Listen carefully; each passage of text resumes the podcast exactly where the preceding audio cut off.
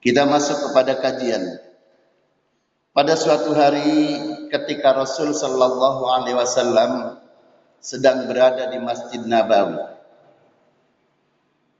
bersama para sahabat-sahabatnya tiba-tiba Rasul sallallahu alaihi wasallam bersabda kalau dalam redaksinya qala Anas bin Malik kunna julusan indan Nabi sallallahu alaihi wasallam. Kata sahabat Anas bin Malik, tatkala kami sedang duduk-duduk bersama Nabi, ai fi Masjidin Nabawi di Masjid Nabawi. Lalu kemudian Rasul bersabda, Yatlubul an min hadil fajr rajulun min ahlil jannah. Sebentar lagi akan lewat di hadapan kita seorang laki-laki penghuni surga. Para sahabat kemudian heran. Kenapa di antara kami ini semua yang hadir di sini sahabat-sahabat besar itu tidak disebut sebagai orang yang akan masuk surga? Beliau mengatakan yatlul an min hadzal fajr rajulun ahli jannah sebentar lagi akan lewat di hadapan kita seorang penghuni surga. Lalu kemudian tidak berapa lama kemudian Fato ala rajul minal ansor tantifu lihiyatihu min wudu'i wa qad ghallaqa na'laihi biyadi shimali fasallam. Lalu kemudian tiba-tiba muncul seorang laki-laki dengan jenggot yang tebal terlihat bahwa beliau itu habis wudhu dengan menenteng sandalnya ditenteng. Orangnya sangat sederhana. Lalu kemudian mengucapkan salam assalamualaikum. Lalu kemudian beliau masuk masjid. Nabi pun pulang, sahabat pun pulang. Keesokan harinya, Falam maka minal qala Nabi. Esok harinya kemudian ketika sahabat dan para dan Nabi dan para sahabat itu berkumpul, Nabi bersabda lagi. Sebentar lagi akan muncul seorang laki-laki penghuni surga. Kemudian muncul orang yang kemarin itu sambil menenteng seorang ansor laki-laki yang tidak dikenal. Dengan menenteng sandalnya, dia masuk. Sahabat dan Nabi kemudian Singkat kisah beliau itu pulang. Falamma at kemudian pada hari yang ketiga ketika Nabi dan sahabat itu sedang berkumpul, Nabi bersabda lagi. Sebentar lagi akan datang seorang laki-laki penghuni surga. Hadirin rahimakumullah. Maka kemudian datang orang yang masih sama ketika hari pertama, kedua dan ketiga dia.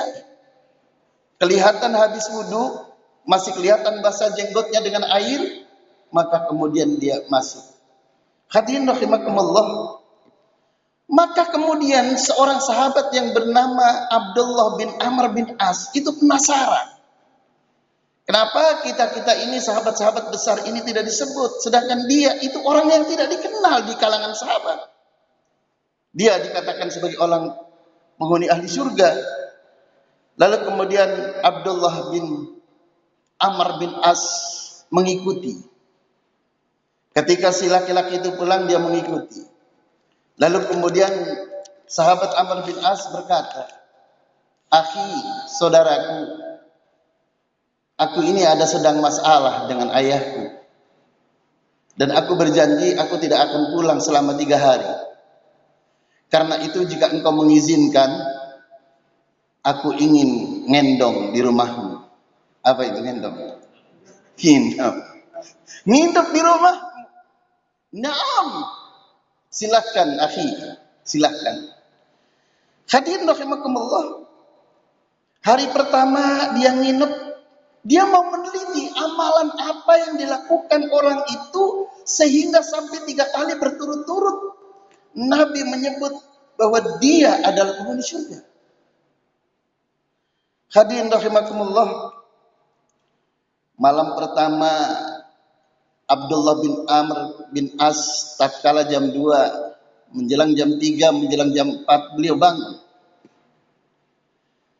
Dia bangun, dia lakukan sholat malam. Dia perhatikan tuan rumahnya masih ngorok. Ini kok orang katanya penghuni surga kok tidur aja. Gak ngapa-ngapain. Oh, mungkin barangkali dia kecapean. Besok malamnya Abdullah bin Amr biasa dia melail. Jam 3 dia bangun, dia melakukan jamul lail. Dia perhatikan. Si laki-laki yang disebut sebagai nabi oleh penghuni surga, dia tidak ngapa-ngapain. Tidak melakukan jamul lail. Cuma dia perhatikan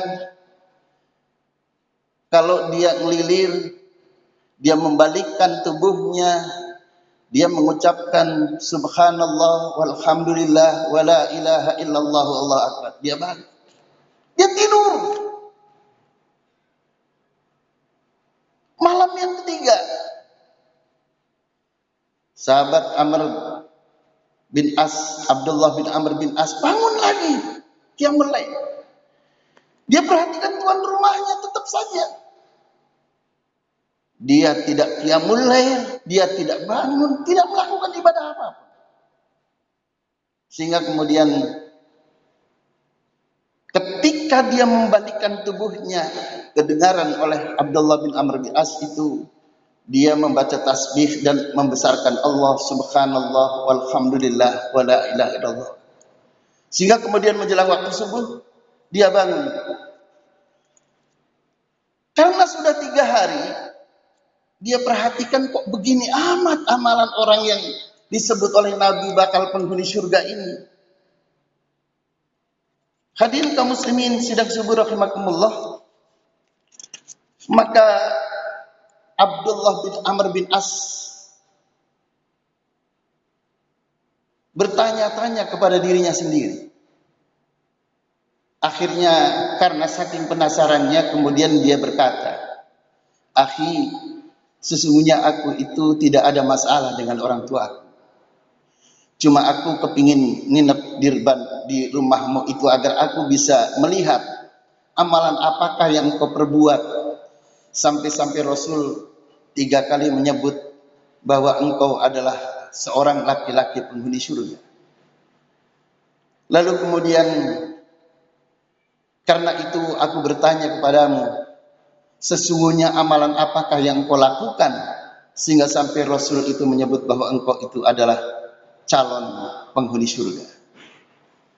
Si laki-laki itu menjawab, "Ma huwa illa mara'aita ghairu anni la ajidu li ahadin minal muslimin minal muslimat wal mu'minin wal mu'minat min gisyan wala ahsudu ahadan ala khairin a'tahu Allah taala iya." Aku itu tidak punya amalan apa-apa seperti yang kau lihat itulah amalanku. Cuma aku itu tidak pernah memiliki rasa iri kepada orang lain. Tidak pernah merasa iri terhadap kaum muslimin. Aku tidak pernah hasad terhadap orang lain. Itu saja yang aku amalkan. Hadirin kaum muslimin sedang Allah. Oh ternyata tidak memiliki rasa iri terhadap orang lain, tidak hasud terhadap orang lain, tidak iri terhadap orang lain yang mendapatkan kenikmatan, maka ternyata inilah yang menjadikan Rasul menyebut bahwa dia itu adalah calon penghuni surga. Ini yang masih belum bisa aku lakukan. Kami-kami ini yang belum bisa melakukan itu. Kadang-kadang kami itu iri dengan orang lain. Kadang-kadang kami itu merasa hasud dengan orang lain. Hadirin kaum muslimin sidang subuh rahimakumullah.